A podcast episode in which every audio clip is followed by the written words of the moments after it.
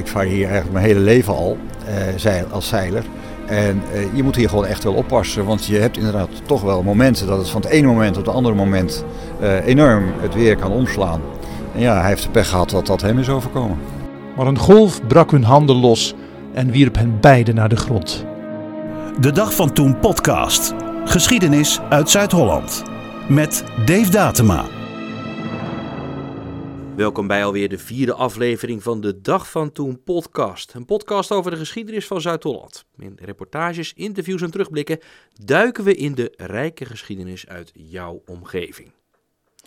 Deze uitzending staat grotendeels in het teken van Johan Willem Frieso, prins van Oranje, legerleider van de Nederlanden. Hij kwam op 14 juli 1711 om het leven bij Strijen-Sas in de Hoekse Waard. Een noodlottig ongeluk bij de oversteek van Moerdijk naar Strijen-Sas. Met Peter Overwater uit de Hoekse Waard blikte ik terug op de fatale gebeurtenissen bij Strijen. Hier, 100 meter van de plek waar wij staan. Wij staan bij de sluis van Strijen-Sas, vlak bij de vuurtoren. We zien hier wat, uh, wat scheepjes. Het, is, het, het, waait een beetje. Uh, we kabbelen op een of ander uh, ponton hier. Ik zie hier één zo'n, ja, hoe heet zoiets eigenlijk? Een soort, een, een, een, krip. Een, een krip. Voorbij derde, vierde bord als dat geweest zijn? Ja, dat zou heel goed kunnen. Nou, die, die, deze kribben zijn natuurlijk van wat latere datum. Friso was, in een koets was, was, met zijn, was in een koets gestapt die op de boot, de veerboot, stond vanuit Moerdijk. Dat was hem nog afgeraden, maar het was heel slecht weer. En hij vond niet dat hij uh, het, uh, het, weer moest trotseren. Toen is men uitgevaren en dat ging eigenlijk best goed. Want het was, het was voor de wind. En men kwam bij op 100 meter van de haven van Strijersas. En toen opeens was een hele bijzondere weersomstandigheid dat het weer opeens draaide. Het ging niet goed met het zeil, dat stond aan de verkeerde kant. Dat heet in het jargon, de, het zeil stond bak. Schip scheef, schip, eh, schep water, eh, koets eh, van het schip afgevallen.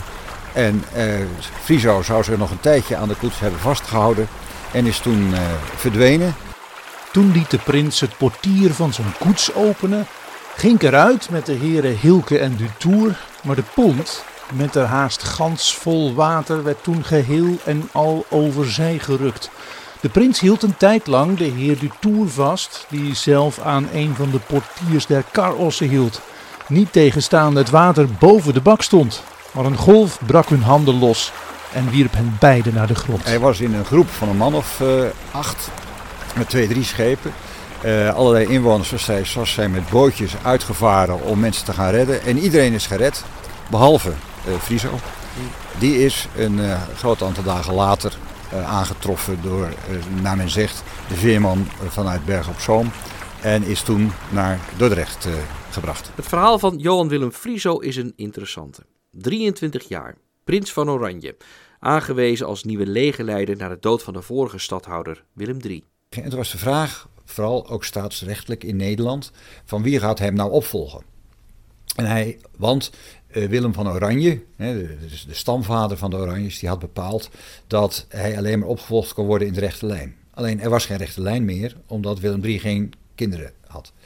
En die bleek in zijn testament zijn verre, ik zeg maar even achterneef, uh, Friso te hebben benoemd als zijn universele erfgenaam. Wie was hij? Friso was uh, de zoon van de Friese stadhouder. die stadhouder was van Friesland, Groningen en de, uh, Drenthe. Die was overleden voor zijn geboorte. En hij was op dat moment eigenlijk een jonge man. hij, was nog hij was nog niet volwassen genoeg om stadhouder in Groningen, Friesland en Drenthe te worden. Dat was ook helemaal niet vanzelfsprekend dat hij dat zou worden, want dat was geen erfelijke titel. Maar het was gewoonte dat had altijd wel iemand uit dat uit die tak van de familie van Nassau uh, stadhouder zou worden. En hij was vooral bezig met carrière maken in het leger. En hij vocht uh, uh, tegen de Fransen. Hij zat dus in dat leger. En toen bleek opeens, en hij probeerde stadhouder te worden van Groningen, Friesland en Drenthe. En hij probeerde een goed militair te worden, want hij wilde ook graag de, de aanvoerder worden van de Nederlandse troepen. Toen ging Willem III dood. Hij werd universeel erfgenaam. En opeens lagen de machtsverhoudingen heel anders. Alleen er was een serieus probleem. er waren er wel meer, maar een van de serieuze problemen voor hem was dat zijn heel ver familielid, de koning Frederik van Pruisen, weigerde om te accepteren dat die nalatenschap in zijn geheel naar Friso was gegaan. Want hij vond dat hij ook op een deel van die erfenis aanspraak kon maken. Wat voor deel dan? Zoals zo vaak gaat het om vastgoed. Hij had uh, allerlei steden die eigendom waren, landerijen en dergelijke. Maar, ook heel belangrijk, allerlei reliquieën uit het verleden die te maken hebben met de status van, van de families. Schilderijen, familieportretten, uh, het familie zilver en dergelijke. En hij vond dat hij ook op een deel van die nalatenschap, waaronder bijvoorbeeld dat zilver, aanspraak kon maken. Gewoon een ordinaire ruzie over wat er in het testament staat dus. Volledig, ja. Het ging over geld, macht en, en, en, en over aanzien. Uh, dat, die discussie liep hoog op. En uh, de Staten-Generaal van Nederland die zaten daarmee in hun maag. Want aan de ene kant was er dus dat testament van Willem III dat zei: Friso is mijn universele erfgenaam. Maar aan de andere kant was er dus die Frederik die zei: joh, ik eh, ben het hier niet mee eens. En die paste wel uh, hele duidelijke machtspolitiek toe. Want die zei gewoon van, nou, als ik niet met dat deel van het tafelzilver krijg waar ik vind dat ik aanspraak op heb, dan stuur ik gewoon mijn soldaten niet voor de komende uh, zomeracties tegen de Franse koning. Dat liep hoog op. op een gegeven moment werd het juni 1711. Ehm, en jonge Willem Friso, die was in het leger, in het staatse leger, zoals dat heette, in Rijssel. En hij kreeg opeens opdracht van de uh, Staten van Holland om zo snel mogelijk naar Den Haag te komen. Waarom? Tot iedere stomme verbazing was opeens daar koning Frederik van Pruisen opgedoken. Die had zijn intree genomen in een van de lokale paleizen, waarvan hij vond dat hij hem dat toekwam. En zei: Ik ga hier niet weg voordat dit is opgelost. En geheel tegen zijn zin is Johan Willem toen uit het leger uh, vertrokken richting Den Haag. En je begrijpt dat dat dus nogal uh, onder bijzondere omstandigheden was, maar vooral ook onder tijdsdruk stond. Want men wilde wel graag hebben dat hij heel snel kwam, want die koning uit Pruisen, ja, die zat daar maar in het Haagse. En die uh, gedroeg zich echt ook wel als koning van Pruisen, dus men wilde hem eigenlijk liever ook weer snel het uh, land zien verlaten. En dat leidde dus toe dat op een dag Johan Willem Frieso zich meldde in Klundert, Moerdijk. Die route, Klundert, uh, Moerdijk, uh, Strijsas. Wat voor route was dat? Dat was van oudsher de keizerlijke oorspronkelijke postroute en later veerroute. Um, toen Europa zich een beetje doorontwikkelde na de middeleeuwen, toen kwam er ook behoefte aan een geor ge georganiseerde postvoorziening. En dat werd door de overheden eh, ingesteld. En een daarvan was een de keizerlijke postroute vanuit Antwerpen, uiteindelijk naar Den Haag, Rotterdam en Amsterdam. En die liep door het Brabantse land naar Klundert, Moerdijk, via een veer naar Strijensas, door de Hoekse Waard, onder andere de Keizersdijk. En dan aan de Noordstrijnsas ligt het zuiden van de Hoekse Waard. Dan ging je door de Hoekse Waard. In het noorden van de Hoekse Waard heb je Keizersveer. En dan ging men weer over, wat nu heet de Nieuwe Maas, of de Oude Maas, sorry. En dan ging je naar Rotterdam, et cetera. Zo'n uh, postroute die had allerlei uh, postlocaties, om het zo maar te zeggen. En een daarvan was in Strijersas. Daar heb je het Veerhuis, waar uh, heel lang mijn familie die, dat postwezen heeft verzorgd. Dat bestond eigenlijk uit verschillende taken. Enerzijds moet je zorgen dat er een veer was, je moest overvaren. Maar je moest er ook voor zorgen dat de mensen die dan, de passagiers die dan aankwamen, dat die gelijk in een uh, koets konden stappen met paarden om weer door te kunnen. En uh, het kwam er eigenlijk op neer dat als het een beetje mee zat met het weer, dat je in minder dan vijf en een half uur van Antwerpen naar Den Haag kon. Met uh, goede op elkaar aansluitende voorzieningen. In die zin was het een beetje een vorm van openbaar voorzien, vervoer. Want als je er nou maar zorgde dat die paarden aan op elkaar, het beschikbaar zijn van paarden op elkaar aansloot. En je ook nog weer eh, op tijd was bij een pont en die pont voer over enzovoort. Dan kon je dus, wat ik al zei, in vijf en een half uur naar Den Haag. Hij kwam daar in, in, in, in uh, 1711. in de zomer.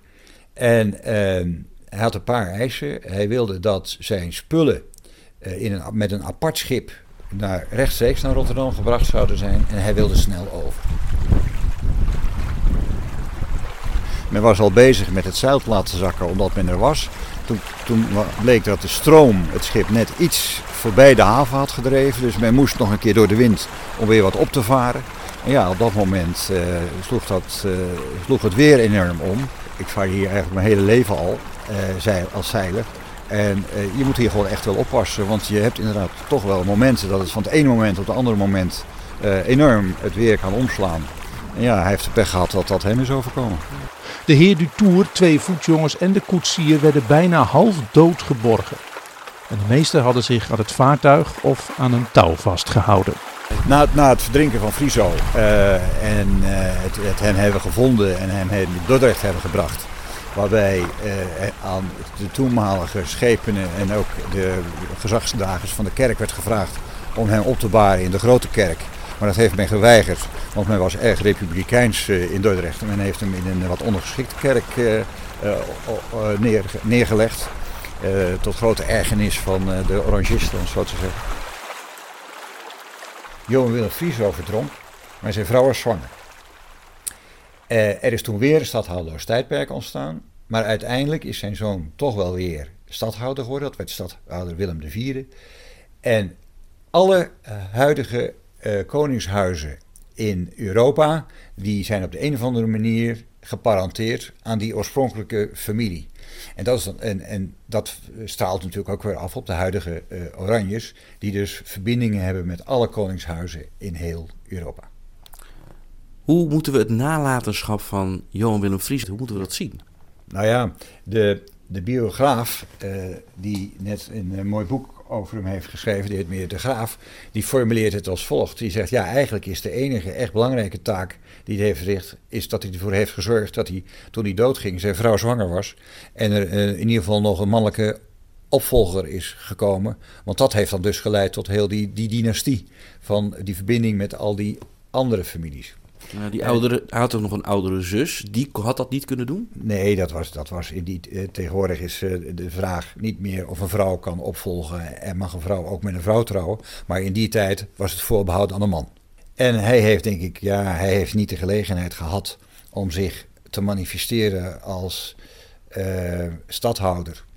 Uh, er was een enorme druk om hem ook stadhouder van, van Holland te laten worden. Maar ja, dat heeft hij niet, uh, niet kunnen meemaken. En hij heeft zich ook niet verder kunnen ontwikkelen als militair. men zei dat hij op zich getalenteerd was. Hij was in ieder geval heel moedig, want hij nam grote risico's tijdens de veldtochten. Maar ja, dat, dat hoorde ook wel bij de levenswijze van, van dat soort mensen. Hè. Die hadden, die, die, die, die baseerden hun carrière natuurlijk voor een heel belangrijk deel op het risico's nemen tijdens uh, militaire operaties. Want hoe meer risico je nam, hoe hoger je kwam in de hiërarchie. En hoe groter de kans was dat je macht zou kunnen gaan uitoefenen is niet een beetje apart dat door juist zo'n fataal ongeluk dat Johan Willem Frieso en de Hoekse Waard onlosmakelijk met elkaar verbonden zijn? Ja, ach, weet je, dat is de geschiedenis. Er gebeuren natuurlijk allerlei dingen die we met elkaar proberen te regelen. Maar er gebeurt veel meer wat, wat wordt veroorzaakt door allerlei toevalligheden en dergelijke. En jij zegt onverbrekelijk met elkaar verbonden. Jij hebt belangstelling voor geschiedenis, ik heb belangstelling voor geschiedenis. Maar om nou te zeggen dat het welzijn van de mensen in de Hoek Zwart eh, echt heel erg is getekend door dit gebeuren. Ik denk dat toen hij verdronk, had je geen kranten, je had geen radio, je had geen internet. Ik denk dat de samenleving Hoek Zwart, uh, zoals dat eeuwenlang heeft gedaan, gewoon is voortgegaan. En uh, het zal er met elkaar over zijn gegaan. Maar nee, het is wel één detail wat misschien nog aardig is om te vertellen. Het had ook heel slecht af kunnen lopen voor de exploitant van het veer. Hoezo? Um, na afloop van. Uh, op een gegeven moment was het lijk van uh, Friso gevonden. Dat is naar Dordrecht gegaan. En later dan naar Friesland getransporteerd. En daar met allerlei eerbetoon begraven te worden. Maar een tijd daarna vond er wat je nu zou noemen een hoorzitting plaats in Klundert. En ehm, daar was aan de orde van hoe is nou eigenlijk precies gegaan die dag. Want er waren voorschriften en die voorschriften die hielden onder andere in dat een schip dat mensen overzette op zijn minst bemand moest zijn door twee kloeke mannen. En in het geval van Friso was het alleen maar de schipper met twee jongetjes van 11 jaar aan boord. Overigens, eh, een van die jongetjes is op een gegeven moment vader geworden van iemand die is getrouwd met familie iemand uit de familie Overwater. En daarom vertellen wij altijd, achteraf dus niet terecht, het verhaal dat wij als familie Overwater nog verantwoordelijk zijn geweest voor het verdrinken van Johan Willem. Maar dat blijkt dus gewoon een mooi verhaal te zijn, maar niet waar. Uh, die voorwaarde was er dus. Uh, aan die voorwaarden was niet voldaan. En toen is er tijdens de hoorzitting verklaard door de adjudant van de prins dat dat veroorzaakt was door het handelen van de prins. Omdat hij zijn spullen naar Rotterdam wilde sturen met een apart schip. Omdat hij van het ene schip naar het andere schip uh, over wilde stappen. Uh, uh, had, dat had geleid tot het, dus inderdaad, slechts het onderbemand zijn van het schip. En dus heeft men gezegd: van, Nou, oké, daar spreken we dan de exploitant van het veer niet op aan. Wie was het exploitant van het veer? Weet je dat? Dat was meneer Van der Sluis. En het aardige is dat je hebt in Puttershoek heb je uh, de jachtwerf van de sluis. Mm -hmm. Of sorry, niet de, niet jacht, in Puttershoek heb je de scheepswerf van de sluis. En die familie is een rechtstreekse afstamming van die van de sluizen die toen in Moerdijk woonden en het veer uh, exploiteerden. Levende geschiedenis. Levende geschiedenis, zeker. Ja. Leuk om over te vertellen.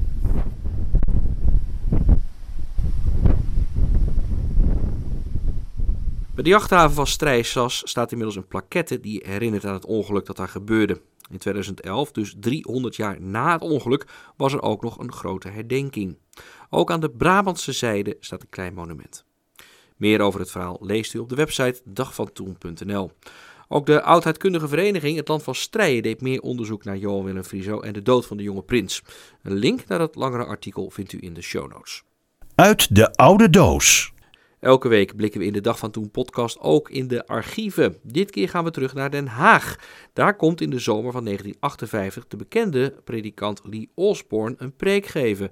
Tienduizenden mensen komen naar het Malieveld. Een paar honderdduizend mensen hebben gedurende een week op het Malieveld in Den Haag de massale bijeenkomsten bijgewoond van de Amerikaanse evangelieprediker Tommy Lee Osborne. Zijn woorden werden door prediker Maasbach uit Gouda in het Nederlands vertaald.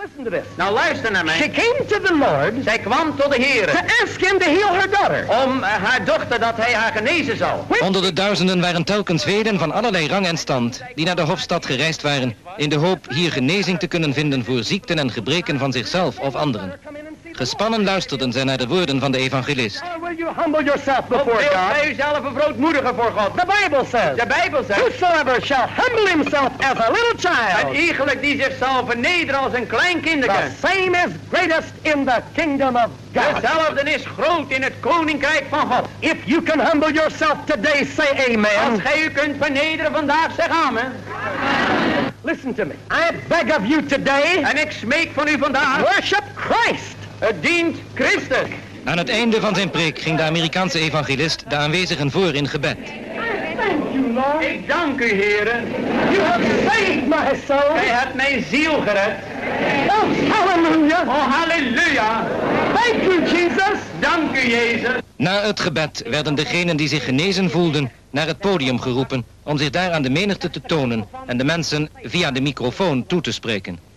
Tweeënhalf jaar heb ik uh, gehoorapparaat moeten dragen. En nu, sinds woensdag, kan ik weer horen zonder gehoorapparaat. Ik prijs de Heer. Ik was totaal ongelovig. Maar ik dacht, er moest toch eens iets zijn. En ik kan het jullie laten zien. Jezus is daar, dan moet ik nog genezen. God bless En ik kan lopen zonder... Ik kan hard lopen. Ik voel niks meer. Ik voel niks meer. En de dokters die zeggen, het is medisch onmogelijk mevrouw dat u kunt lopen. En u ziet het, ik loop. Dit optreden van de prediker Osborne heeft intussen in vele religieuze kringen en in de medische wereld van ons land fel verzet ontmoet. De beelden zijn terug te zien op de website dagvantoen.nl. Geschiedenis uit jouw omgeving. Dit is de Dag van Toen podcast.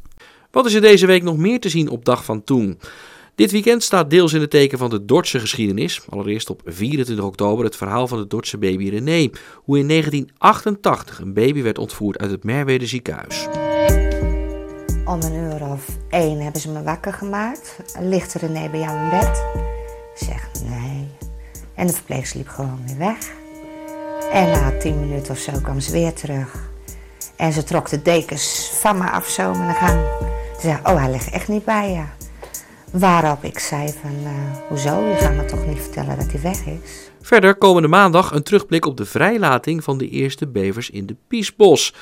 En Napoleon, die op 25 oktober 1811, dan 210 jaar geleden, een bezoek bracht aan Rotterdam. Op 27 oktober een terugblik op de zaak Douwe Kalma. Het verhaal van de Rotterdamse politiechef die meeliep met een demonstratie tegen de dood van drie leden van de Rote Armee-fractie. Die deelname viel nogal slecht omdat de terreurgroep het vaak voorzien had op agenten. Een dag later, op 28 oktober, wordt teruggeblikt op het vuurwerkincident in de Kuip bij Nederland-Cyprus. Met een droomcarrière in het Nederlands elftal tot nu toe. Vanenburg van Tichelen. En daar ontploft een geweldig uh, projectiel in het strafschopgebied van Cyprus. De scheidsrechter, die dat waarschijnlijk in zijn eigen land ook niet gewend is, laat doorspelen. Terwijl de Griekse, de Cypriotische keeper aangeslagen in zijn doel staat. En dat kan ik me indenken ook. Want dat was een knal.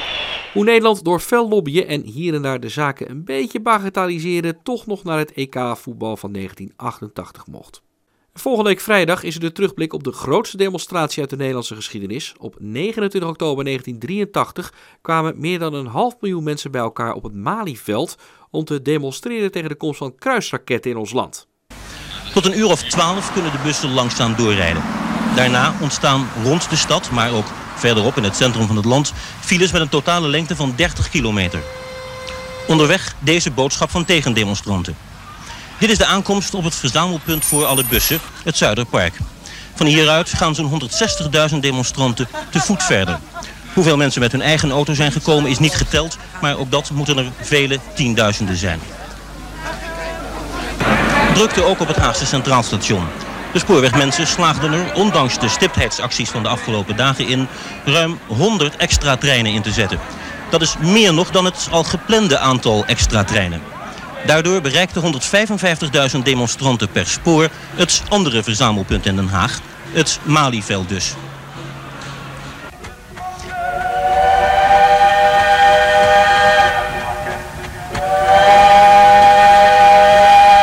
Zelfs over het water reisden de demonstranten. Zo'n 6000 van hen kwamen vanmorgen met 21 boten uit Delft. Waarna ze in Den Haag aanlegden aan de Laakkade. Om 12 uur begint dan de feitelijke demonstratie. Het Zuiderpark is inmiddels overvol. En hier wachten mensen al direct een verrassing. Onaangekondigd spreekt prinses Irene de massa toe. Ik ben blij om met jullie te kunnen delen dat wat mijn diepste overtuiging is. En wel dat het mooi is om te leven.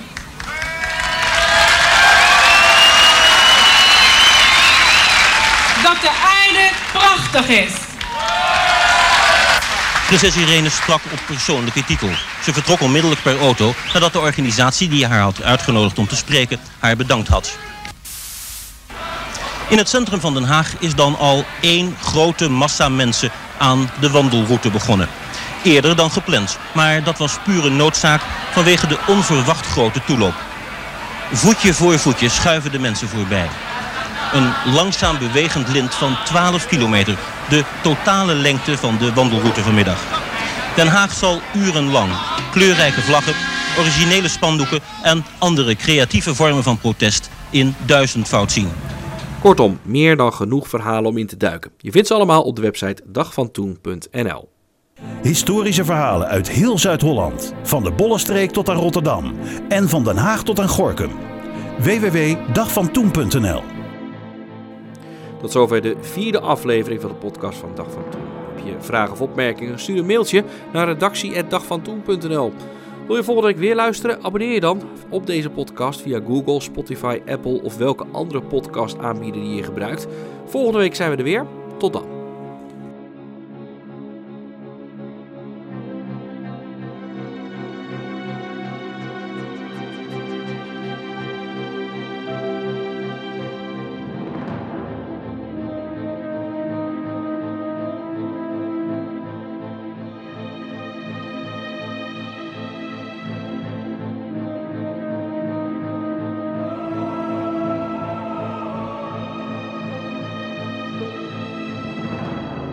Dag van Toen podcast.